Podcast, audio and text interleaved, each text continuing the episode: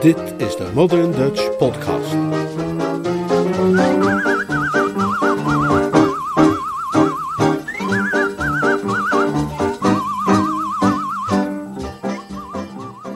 De Lange Hole. Een verhaal uit de bundel Golf is geluk van P.G. Woodhouse. Vertaald en voorgelezen door Leonard Beuger.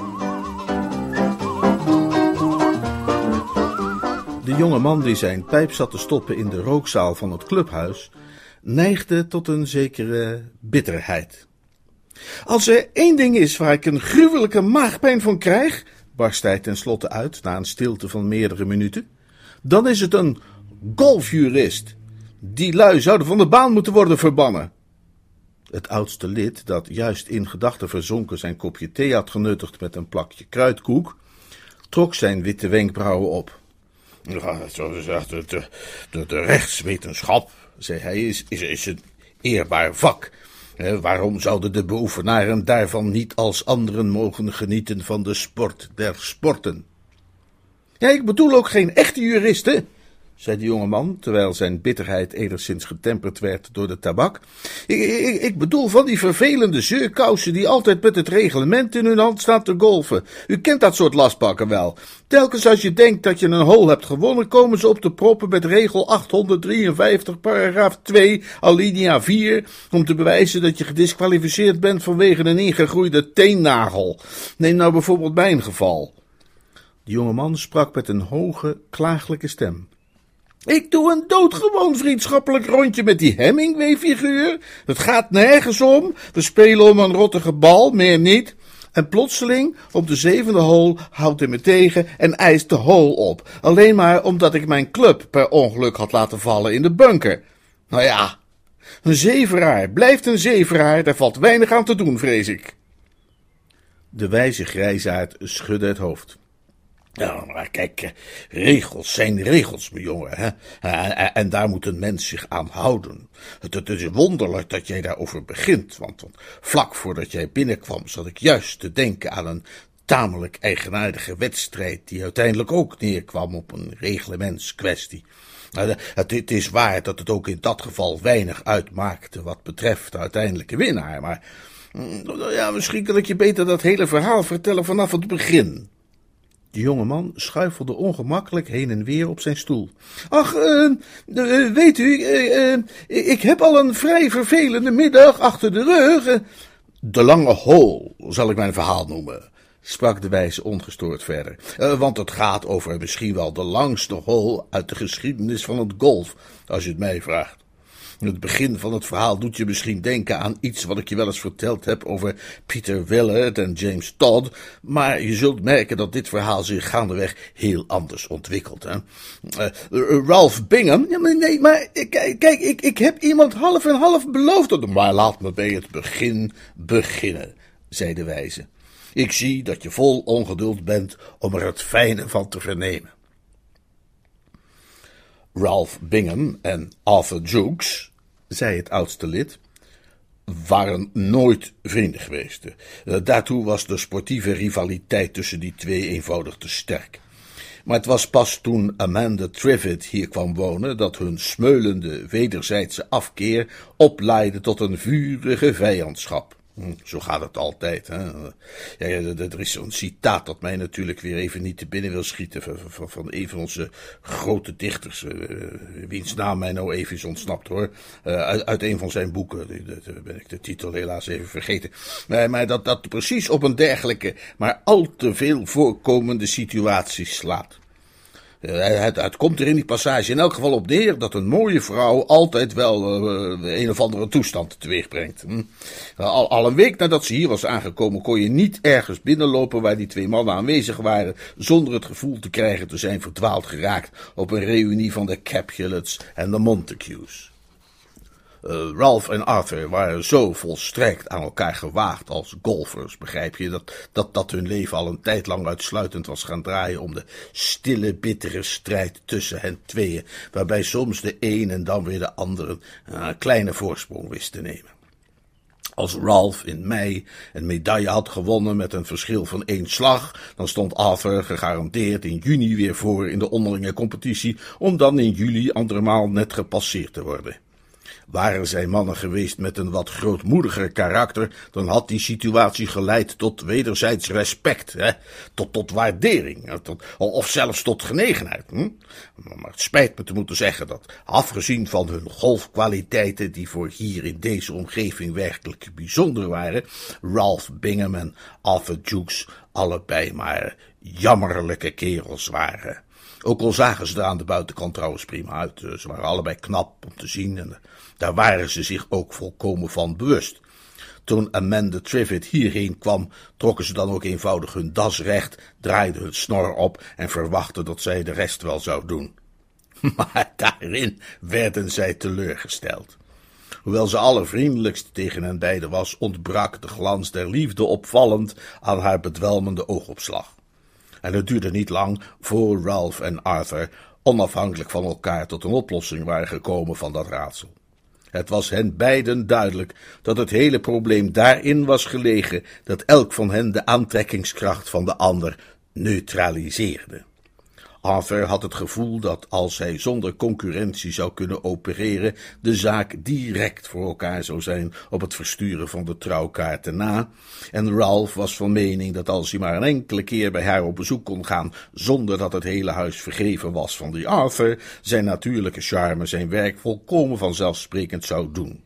En inderdaad was het waar dat zij geen andere rivalen hadden dan elkaar.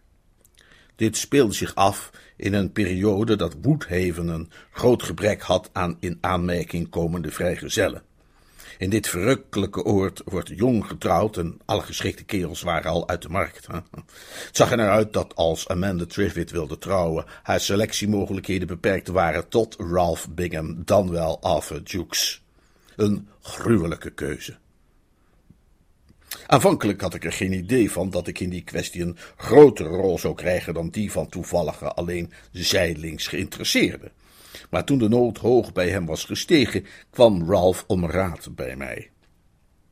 Toen ik op een avond thuis kwam, bleek mijn bediende hem te hebben binnengelaten en voor mij uitgestald in de zitkamer. Ik bood hem een sigaar aan en hij kwam met bewonderenswaardige voortvarendheid ter zake.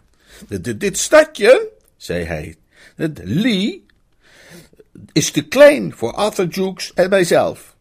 Ach, jullie hebben het er met elkaar over gehad en hebben besloten te gaan verhuizen, zei ik, opgetogen.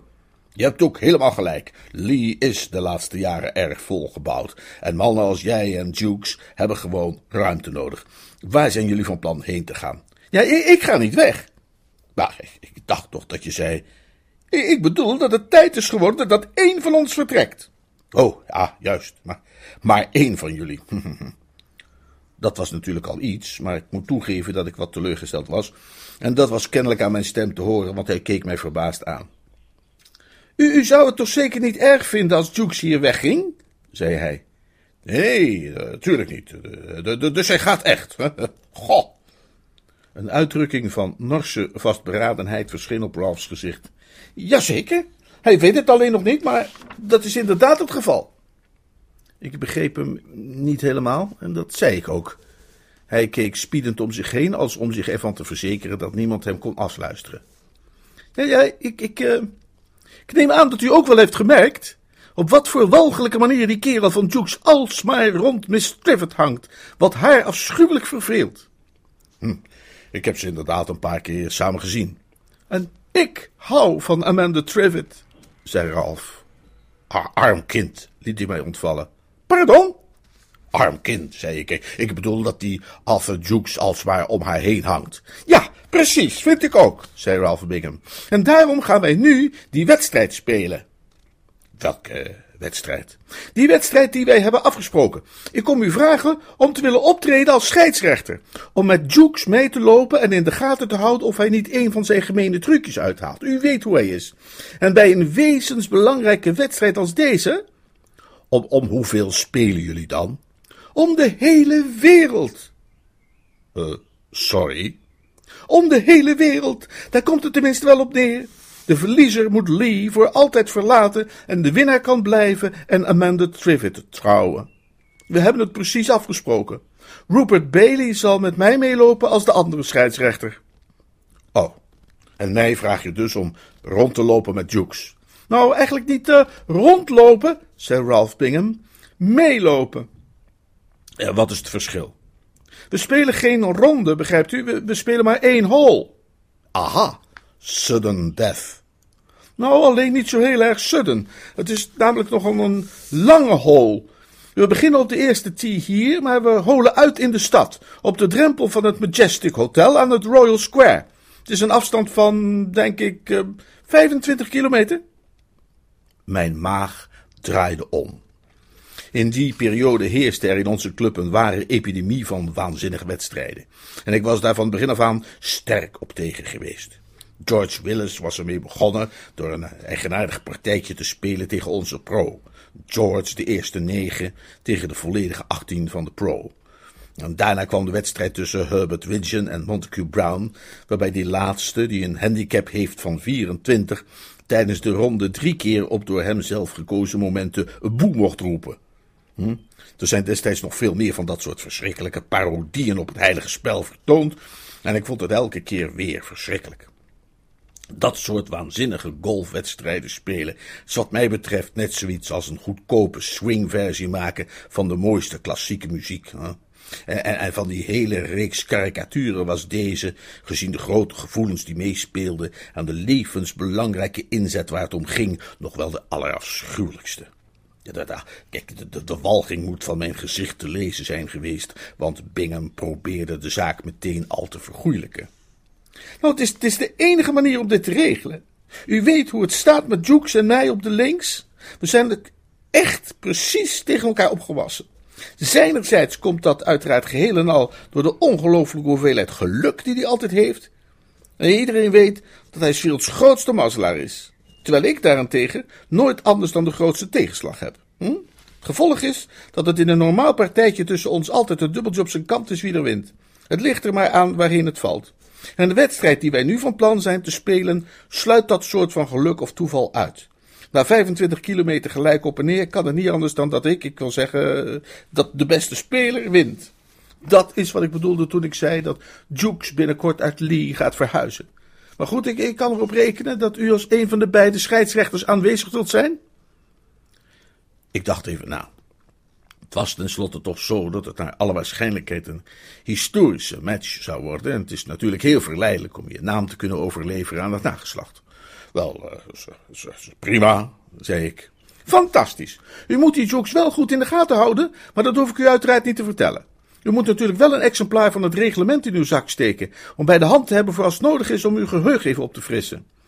We beginnen bij zonsopgang, want als we later beginnen is aan het eind van het parcours wellicht de drukte te groot om door te komen. We moeten ook zoveel mogelijk voorkomen dat het algemeen bekend wordt wat we van plan zijn. Als ik een, uh, een laag ijzer gebruik en ik raak per ongeluk een politieagent, zou dat niet zonder commentaar blijven.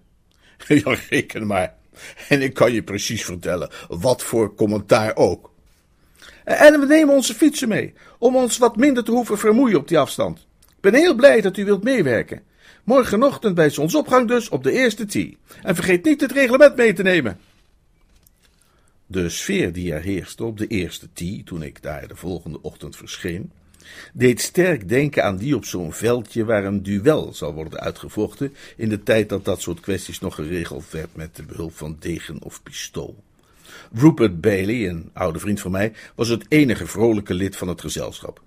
Ikzelf ben s morgens vroeg nooit op mijn best en de twee rivalen loerden naar elkaar met een stille grimlach.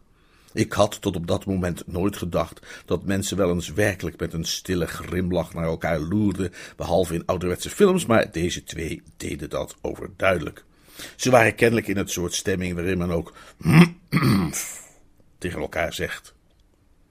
Er werd getost wie er mocht beginnen en Arthur Jukes won. Hij sloeg af met een prachtige bal die halverwege de baan terecht kwam. Ralph Bingham legde zijn bal op de tee en wendde zich tot Rupert Bailey. Eh, loop maar vast naar de fairway van de zeventiende, zei hij, en markeer mijn bal. Rupert staarde hem aan. De zeventiende? Ja, die, die kant ga ik op, zei Ralph en wees naar ergens achter de bomen. Ja, maar dan kom je met je tweede of derde shot gegarandeerd in de vijver terecht. En daar heb ik rekening mee gehouden. Ik heb vlak bij de 16e green een roeibootje vastgelegd. Dan chip ik straks met mijn ijzeren zes mijn bal daar aan boord, roei ik naar de overkant, chip hem weer op de kant en speel verder. Ik wil tot Woodfield dwars door de velden gaan. Dat spaart volgens mij een paar slagen uit. Ik hapte naar adem. Ik had me nooit gerealiseerd hoe duivels berekenend hij kon zijn. Zijn tactiek gaf hem een fikse voorsprong. Arthur, die keurig langs de baan had afgeslagen, speelde kennelijk in de richting van de weg die grenst aan het stukje lege grond achter de eerste green. Daar aangekomen zou hij het spel op meer orthodoxe wijze spelen door langs de weg tot aan de brug te gaan. Terwijl hij langs de weg zou oprukken, sneed Ralph praktisch twee zijden van een driehoek af en het was voor Arthur nu te laat om de tactiek van zijn tegenstander na te bootsen. Van waar zijn bal nu lag, zou hij een breed stuk moerasland moeten overbruggen om op de fairway van de zeventiende te komen. En als dat al mogelijk was geweest, dan had hij nog geen boot om hem over het water te brengen. Hij protesteerde hevig.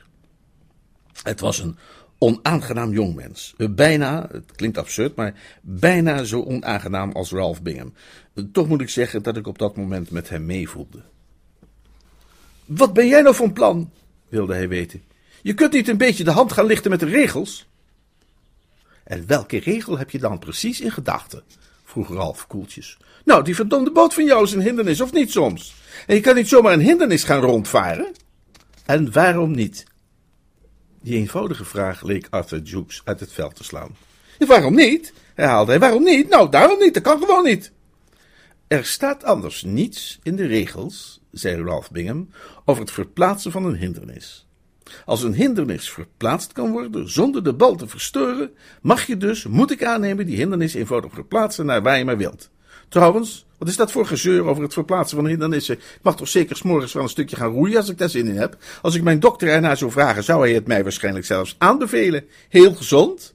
Ik roei een stukje over de vijver. En als dan toevallig mijn bal aan boord ligt, ja, dan heb ik daar verder helemaal niks mee te maken. Ik raak die bal niet aan. Ik verstoor niks. En ik speel hem vanaf de plaats waar hij ligt. heb ik gelijk of niet? Als ik dat zeg. Hm? Is het volgens de regels oh, spelen vanaf de plaats waar die ligt? Dat moesten wij toegeven. Nou, prima dan, zei Ralph Bingham.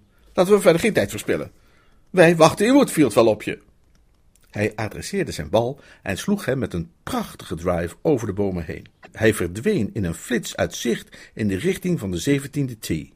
Arthur en ik liepen de heuvel af voor onze tweede slag. Het uh, is een wonderlijk trekje in de menselijke hersenen dat, hoe weinig persoonlijk belang men ook heeft bij de uitslag, het zo goed als onmogelijk is om jezelf ervan te weerhouden partij te kiezen in ieder soort van strijd of competitie. Ik was aan deze hele toestand begonnen vanuit een zuiver neutrale positie. Het had me niets kunnen schelen wie er zou winnen. Ik vond het eigenlijk alleen maar jammer dat ze niet allebei konden verliezen. Maar ik merkte dat ik in de loop van de ochtend toch onwillekeurig de kant van Jukes begon te kiezen. Ik mocht hem helemaal niet. Ik had een hekel aan zijn smoelwerk, aan zijn manier van doen en aan de kleur van zijn das. Maar er was iets in de trouwhartige manier waarop hij ondanks tegenspoed doorploeterde, dat mij raakte en mij mopperend toch enigszins voor hem won.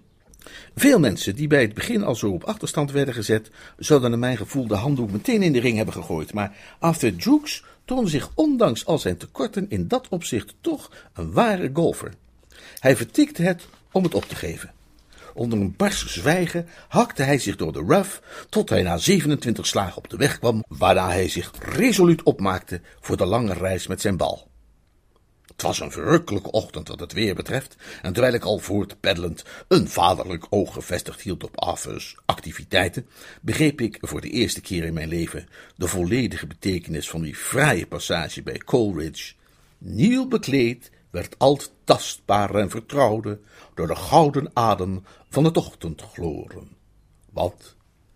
In de kristalheldere lucht leek alles even wonderlijk mooi. Zelfs Arthur Jukes heikleurige nikkebokkers, die ik tot dan toe nooit erg had kunnen bewonderen. Telkens als hij voorover boog voor een nieuwe slag, glansde de zon op het zitvlak op een vrolijke en bijna poëtische wijze. De vogels zongen lustig in de heg, en zo opgewekt was mijn stemming, dat ook ik in gezang uitbarstte, totdat Arthur mij chagrijnig verzocht daarmee op te houden, want dat hij weliswaar een geslaagde imitatie van boerderijgeluiden kon waarderen op zijn tijd, maar dat ik hem daarmee op dit moment hopeloos van zijn slag bracht. We trokken dus in stilte door Bayside en begonnen aan het lange stuk weg tot aan de spoorbrug, waar het dan verder langzaam naar beneden gaat richting Woodfield. Arthur deed het niet slecht. Zijn slagen waren in elk geval keurig recht. En onder de omstandigheden was rechtheid te verkiezen boven afstanden. Al direct voorbij Little Hadley was hij een beetje te ambitieus geworden en was hij zijn houten twee gaan gebruiken met rampzalige resultaten, want hij slijste zijn 35ste slag rechts van de weg de bosjes in en het had hem tien slagen met zijn ijzeren negen gekost om weer op de juiste route terecht te komen en dat had hem voorzichtiger gemaakt. Hij gebruikte nu voor al zijn slagen zijn putter, en behalve toen hij even verstrikt raakte in de wagensporen bovenop de heuvel, ondervond hij nergens ernstige moeilijkheden. Hij speelde vlot en goed en trof de bal bij elke slag met het volledige slagvlak van de putter. Bovenaan de helling die omlaag leidt naar de High Street van Woodfield bleef hij staan.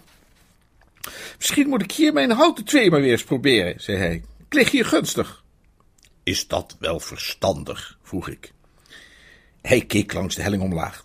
Ik dacht even dat ik daarmee misschien die kerel van Bingham voor zijn donderzak. Nou ja, die staat daar midden op de fairway. Ik volgde zijn blik. Hij had volkomen gelijk. Ralph Bingham stond midden op de weg tegen zijn fiets geleund een sigaret te roken. Zelfs op deze afstand was zijn walgelijk zelfvoldane gezichtsuitdrukking te herkennen. Rupert Bailey zat met zijn rug tegen de deur van de Woodfield Garage geleund en zag eruit alsof hij behoorlijk aan zijn eindje was. Hij was iemand die erg netjes op zichzelf en zijn kleding was, en het was duidelijk dat deze cross-country hem geen goed had gedaan. Ik meende te zien dat hij de modder van zijn gezicht aan het schrapen was. Ik hoorde later dat hij even voorbij Bayside in een baggersloot terecht was gekomen. Nee, zei Arthur, bij nader inzien kan ik toch maar beter op veilig spelen. Ik hou het bij de putter. We gingen de heuvel af en naderden eindelijk weer de tegenstander. Ik had me er niet in vergist dat Ralph Bingham er zo zelf ingenomen uitzag. De man stond meesmuilend te grijnzen. Zeg, ik sta op uh, eh, 396 slagen, zei hij toen we dichterbij gekomen waren. En jij? Ik raadpleegde mijn scorekaart. Uh, wij hebben een pittige 711 slagen gespeeld, zei ik. Ralph maakte triomfantelijke geluiden en gebaren. Rupert Bailey onthield zich van commentaar. Hij was te druk bezig zich te ontdoen van alluviale afzettingslagen. Ja, je kunt natuurlijk ook gewoon opgeven als je wilt, stelde Ralph voor. Ha, zei Arthur. Dat maakt nu niks meer uit. Ha, zei Arthur. Winnen kun je toch niet meer. Ha, zei Arthur. Ik realiseer me dat Arthurs repliek puntiger had kunnen zijn, maar hij had een zware tijd achter de rug. Rupert Bailey kwam naar mij toegelopen. Ik ga naar huis hoor, zei hij. Niks daarvan, antwoordde ik. Je bent hier in een officiële functie, je moet op je post blijven. Bovendien, wat is er nu plezieriger dan een fikse ochtendwandeling? Ja, wat je een fikse ochtendwandeling noemt, zakken cement, mopperde hij. Ik wil terug naar de beschaafde wereld, maar laten uitgraven door een reddingsploeg met, met scheppen en pikhouwelen. Ja, jij ziet het nu wel erg somber in, zeg. Je, je bent een beetje stoffig, ben je niet? Het is ook niet het levend begraven worden alleen dat me dwars zit. Die Ralph Bingham kan ik ook niet veel langer verdragen. Nou ja, je, je, je vond hem vermoeiend gezelschap. Vermoeiend? Toen ik in die baggersloot was gevallen en voor de derde keer boven kwam, was alles wat hij deed een beetje naar me roepen dat ik moest komen kijken. Wat een prachtige slag die net had gedaan met zijn verdomde ijzeren zoveel. Geen haartje medeleven, die kerel. Volkomen met zichzelf bezig. Maar waarom vraag jij eigenlijk die speler van jou niet om op te geven? Hij kan toch niet meer winnen? Dat, dat, dat ben ik niet zomaar met je eens. Er kan nog veel gebeuren tussen hier en het Royal Square. Ik heb zelden een voorspelling zo snel zien uitkomen. Op dat moment gingen namelijk de deuren van de Woodfield Garage open en kwam er een klein open autootje naar buiten rijden met achter het stuur een jonge man in een vettige trui en zwart van de wagensmeer. Hij reed de auto tot op de weg, stapte uit en liep terug de garage in, waar we hem onverstaanbaar hoorden schreeuwen naar iemand achter in het gebouw.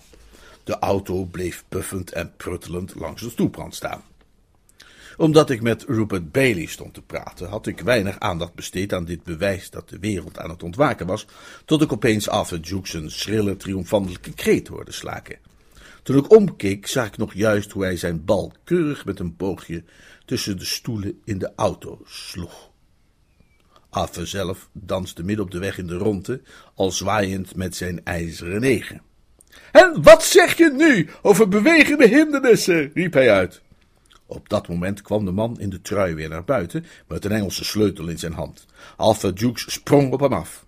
Ik geef je vijf pond als je me naar het Royal Square brengt, zei hij.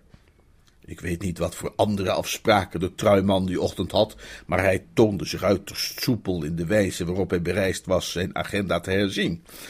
Wellicht heeft u ook opgemerkt hoezeer de jonge ondernemer in dit land tegenwoordig weer adequaat weet te reageren op een aanbod van vijf pond. Nou, dat komt voor elkaar, sprak de jongeling. Mooi, zei Arthur Jukes. Jij denkt zeker dat je slim bent, vroeg Ralph Bingham. nee, ik weet dat ik slim ben, zei Arthur. Wel, in dat geval, zei Ralph, wil je ons misschien wel eens vertellen hoe je van plan bent die bal weer uit je auto te krijgen als je op het Royal Square bent aangekomen? Oh, maar natuurlijk, antwoordde Arthur. Zie je die handige knop daar aan de buitenkant van de auto? Hè? Als je daar aan draait, gaat de deur open. En met de deur eenmaal open, chip ik eenvoudig de bal eruit. Juist, zei Ralph. Goh, daar had ik nu even niet aan gedacht. Tjee, slim zeg. Er was iets in de toon waarop hij die woorden sprak dat mij niet beviel. Zijn minzaamheid kwam mij verdacht voor. Hij klonk als iemand die iets achterhoudt. Ik stond daar nog over te peinzen toen Arthur ongeduldig riep dat ik in moest stappen. Dat deed ik en we reden er vandoor. Arthur was helemaal opgetogen. Hij had er zich bij de jongeman achter het stuur van verzekerd dat zijn tegenstander niet een andere auto zou kunnen huren bij de garage. Deze auto was van onze chauffeur zelf en de enige andere auto die op dat moment in de werkplaats stond, leed aan een gecompliceerde aandoening op het gebied van de smering, waardoor hij nog minstens een dag zou zijn uitgeschakeld. Ik schudde echter mijn hoofd bij zijn juichende houding. Ik piekerde nog na over Ralph. Nou, ik, uh, ik moet hier niets van hebben, zei ik. Waar niet van? Van dat gedrag van Ralph Bingham. Nee, tuurlijk niet, zei Arthur. Daar moet niemand iets van hebben. Daar hebben al heel veel mensen over geklaagd. Nee, nee, nee, nee. Ik, ik bedoel van de manier waarop hij zich daarnet gedroeg toen jij zei hoe je de bal weer uit de auto wilde krijgen. En wat was daar dan mis mee? Hij was veel te. aha.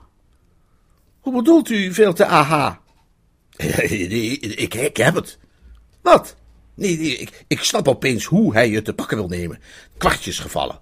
Geen wonder dat hij geen bezwaar maakte toen je zei dat je de deur zou opendoen om de bal naar buiten te chippen. Als je dat doet, heb je meteen de wedstrijd verloren. Gedisqualificeerd. Onzin, hoezo? Omdat het, zei ik, tegen de regels is om iets te veranderen aan een hindernis. Als je in een zandbunker ligt, kun je toch ook niet het zand een beetje wegstrijken? Of als je onder een boom terechtgekomen bent, eh, je caddy de, de, de takken omhoog laten houden, zodat je makkelijker kunt slaan. Als jij die deur aanraakt, word je zonder meer gedisqualificeerd. Arthur's mond viel open. Maar hoe kom ik dan verdorie uit die auto? Dat, zei ik ernstig, ligt in de handen der eh, voorzienigheid. Dat moment verspeelde Arthur Jukes weer geheel het toch al beperkte medeleven dat ik die ochtend voor hem was gaan opvatten. Een sluwe, sinistere blik kwam in zijn ogen. Luister, zei hij. Het gaat wel een uur duren voordat ze ons hebben ingehaald. Stel nou dat in die tijd die deur als het ware toevallig een keer was opengegaan en weer dicht. Dat kan toch? Huh? Dat is toch niet iets wat u per se zou hoeven te melden, is het wel? Daar zou u toch wel uw mond over kunnen houden? U bent toch een beste kerel? Misschien zou u zelfs wel zo ver willen gaan om mij te steunen als ik straks zou zeggen dat ik de bal eruit heb gehoekt met mijn. Uh... Ik voelde mij onpasselijk worden. Ik ben een golfer, zei ik op koele toon, en ik houd mij aan de regels. Ja, ja, ja, maar. Uh... De regels zijn opgesteld door. En hier ontblootte ik eerbiedig het hoofd het bastuur van de Royal and Ancient Golf Club te St. Andrews. Ik heb ze altijd gerespecteerd en van die levenslange gewoonte zal ik ook bij deze gelegenheid niet afwijken. Arthur Jukes verviel in een korzelig zwijgen. Hij doorbrak die stilte één enkele keer, op het moment dat wij de West Street brug overstaken, met de opmerking dat hij wel eens zou willen weten of ik mezelf nu een vriend noemde wat ik van harte kon ontkennen.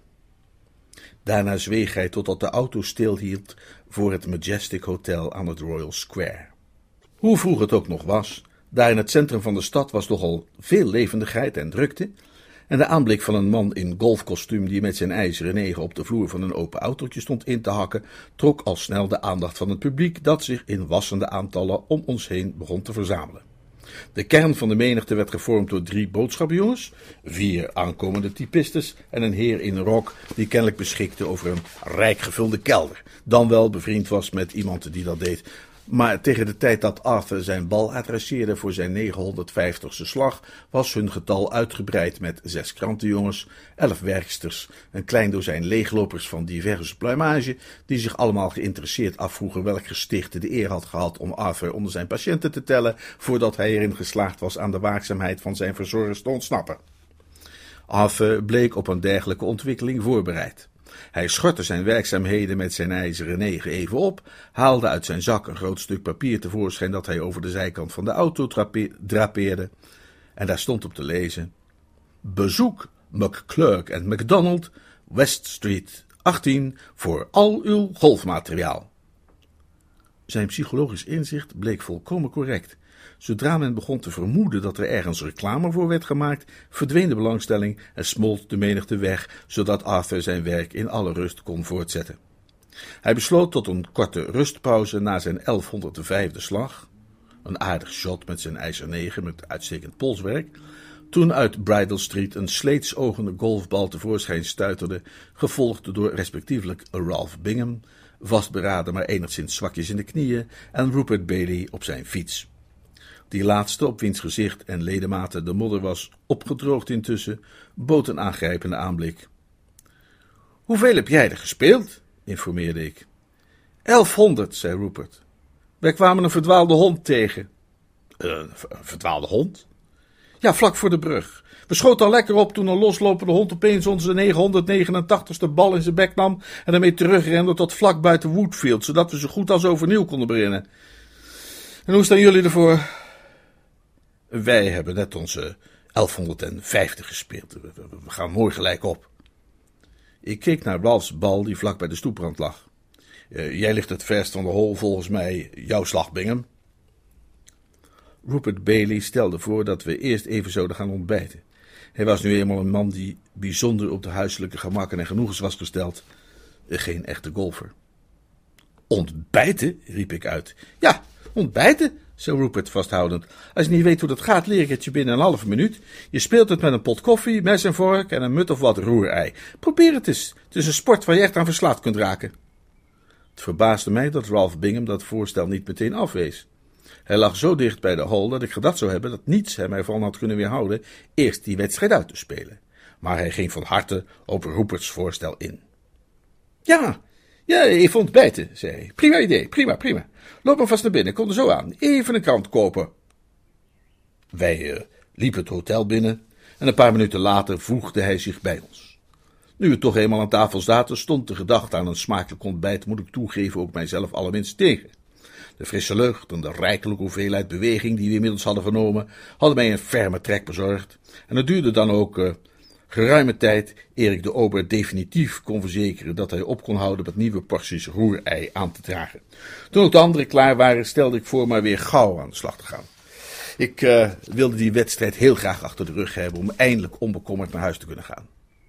We liepen achter elkaar aan het hotel weer uit, Arthur Jukes voorop, en eenmaal de draaideur voorbij zag ik hoe hij verbijsterd links en rechts de straat af stond te kijken.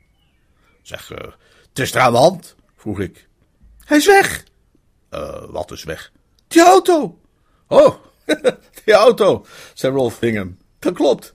Heb ik je dat niet gezegd? Die heb ik daarnet gekocht en de bestuurder ingehuurd als mijn chauffeur. Ik was al een tijdje van plan om een auto te kopen, hè? Een mens kan toch eigenlijk niet zonder? Oh, en waar is die nu? vroeg Arthur wezenloos. Hij leek zwaar aangeslagen. Nou, dat kan ik je niet op een mijl nauwkeurig vertellen, antwoordde Ralph, maar ik heb de chauffeur opdracht gegeven naar Glasgow te rijden. Hoezo? Had je iets van hem nodig? Mijn bal lag in die auto. Tja, zei Ralph, dat is nu even vervelend, zeg. Je wilt me toch niet vertellen dat het je nog niet gelukt was om hem eruit te krijgen? Goh, dat wordt dan echt heel vervelend voor jou. Ik vrees dat jij in dat geval de wedstrijd verloren hebt. Verloren? Tuurlijk. Wat dat betreft zijn de regels echt heel duidelijk. Je mag hoogstens vijf minuten gebruiken voor elke slag. Een speler die er niet in slaagt binnen die tijd zijn bal te spelen, verliest de hole. Heel ongelukkig voor jou natuurlijk, maar het is niet anders. Arthur Jukes zakte midden op het trottoir op de knieën en verborg zijn gezicht in zijn handen. Hij zag er volkomen gebroken uit. Ik moet zeggen dat ik opnieuw toch wel wat medelijden met hem kreeg. Hij had beslist ferm gestreden en het is hard om op deze manier vlak voor de finish te worden verslagen. Dit wordt 1101, zei Ralph Bingham met zijn hatelijk zelfgenoegzaam stemgeluid, terwijl hij zijn bal adresseerde. Hij lachte vettig. Een passerende boodschapjongen bleef staan om te kijken wat er gebeurde. Ralph Bingham sloeg hem joviaal op de schouder. Zo, knul, zei hij. Wat voor club zou jij die gebruiken voor deze slag? Ha, ik eis de wedstrijd op, riep After Jukes uit en sprong overeind. Ralph Bingham keek hem aan met kille blik. Pardon? Ik eis de wedstrijd op, herhaalde Arthur Jukes. De regels zeggen ook heel duidelijk dat wie advies vraagt aan iemand anders dan zijn caddy, de betreffende hole verliest.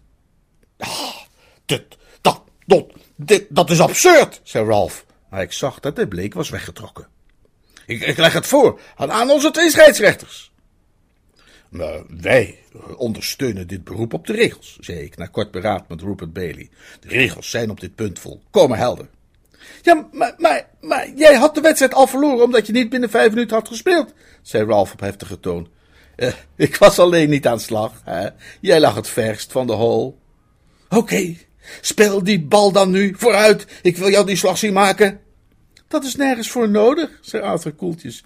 Waarom zou ik nog een slag spelen als jij jezelf toch al hebt gedisqualificeerd? Ik, ik eis een gelijkspel. Daar komt niks van in. Ik doe een beroep op de scheidsrechters. Prima, prima. We laten het over aan de scheidsrechters. Ik overlegde met Rupert Bailey. Mij leek dat Halse Jukes het gelijk aan zijn kant had, maar Rupert, die een beste vent is en aangenaam gezelschap, is door moeder natuur nu eenmaal niet met erg veel grijze cellen begiftigd en hij zag dat niet in. Wij moesten de strijdende partijen melden dat wij helaas niet tot een eensluidend besluit konden komen. Ja, maar dat is toch te gek, zei Ralph Bingham. Dan hebben we een derde scheidsrechter nodig. Hij had het nog niet gezegd, of wie denk je dat er uit het hotel naar buiten kwam? Niemand minder dan Amanda Triffitt. Een ware dea ex machina. Mij lijkt, zei ik, dat jullie die beslissing aan niemand beter kunnen overlaten dan aan Miss Triffitt. Zij is voor jullie tweeën de ideale scheidsrechter. Nou, dat is prima wat mij betreft, zei Arthur Jukes. Dat vind ik uitstekend, zei Ralph Bingham. Hallo zeg, wat zijn jullie hier allemaal aan het doen met jullie golfclubs? vroeg het meisje verbaasd. Uh, kijk, nou ja, deze twee heren, uh, legde ik uit, uh, waren een wedstrijd aan het spelen en nu is er een kwestie gerezen waarover de scheidsrechters het niet eens kunnen worden. We hebben behoefte aan een onafhankelijke mening van buitenaf en zouden daarom graag de vraag aan u voorleggen. De zaak zit zo. Amanda Triffitt luisterde aandachtig toe, maar toen ik uitgesproken was, schudde ze haar hoofd. Nou, ik ben bang dat ik niet genoeg van het spel af weet om over zo'n kwestie te beslissen, zei ze. In dat geval moeten we het bestuur van de St. Andrews raadplegen, zei Rupert Bailey. Ja, nee, maar wacht, ik, ik weet iemand die er wel verstand van heeft, zei Amanda Triffitt nadat ze even had nagedacht. Wie dan? vroeg ik. Nou, eh, mijn verloofde. Hij is net terug van een golfvakantie. Daarom ben ik vanmorgen hier in de stad. Ik had net een afspraak met hem. Hij is er heel goed in, in golf. Een dag voordat hij vertrok, heeft hij nog een medaille gewonnen in Little Mudbury in the Wold. Er viel een beklemmend stilte. Ik was zo tactvol Ralph nog Arthur aan te kijken. Uiteindelijk werd de stilte verbroken door een fel, knappend geluid. Ralph Bingham had zijn ijzeren zeven over zijn knie in tweeën gebroken. Uit de richting waar Arthur Duke stond klonk een gedempt gereutel. Eh, zal ik het hem vragen? stelde Amanda Triffitt voor. Doe geen moeite, zei Ralph Bingham. Ach, het is volstrekt onbelangrijk, zei Arthur Jukes.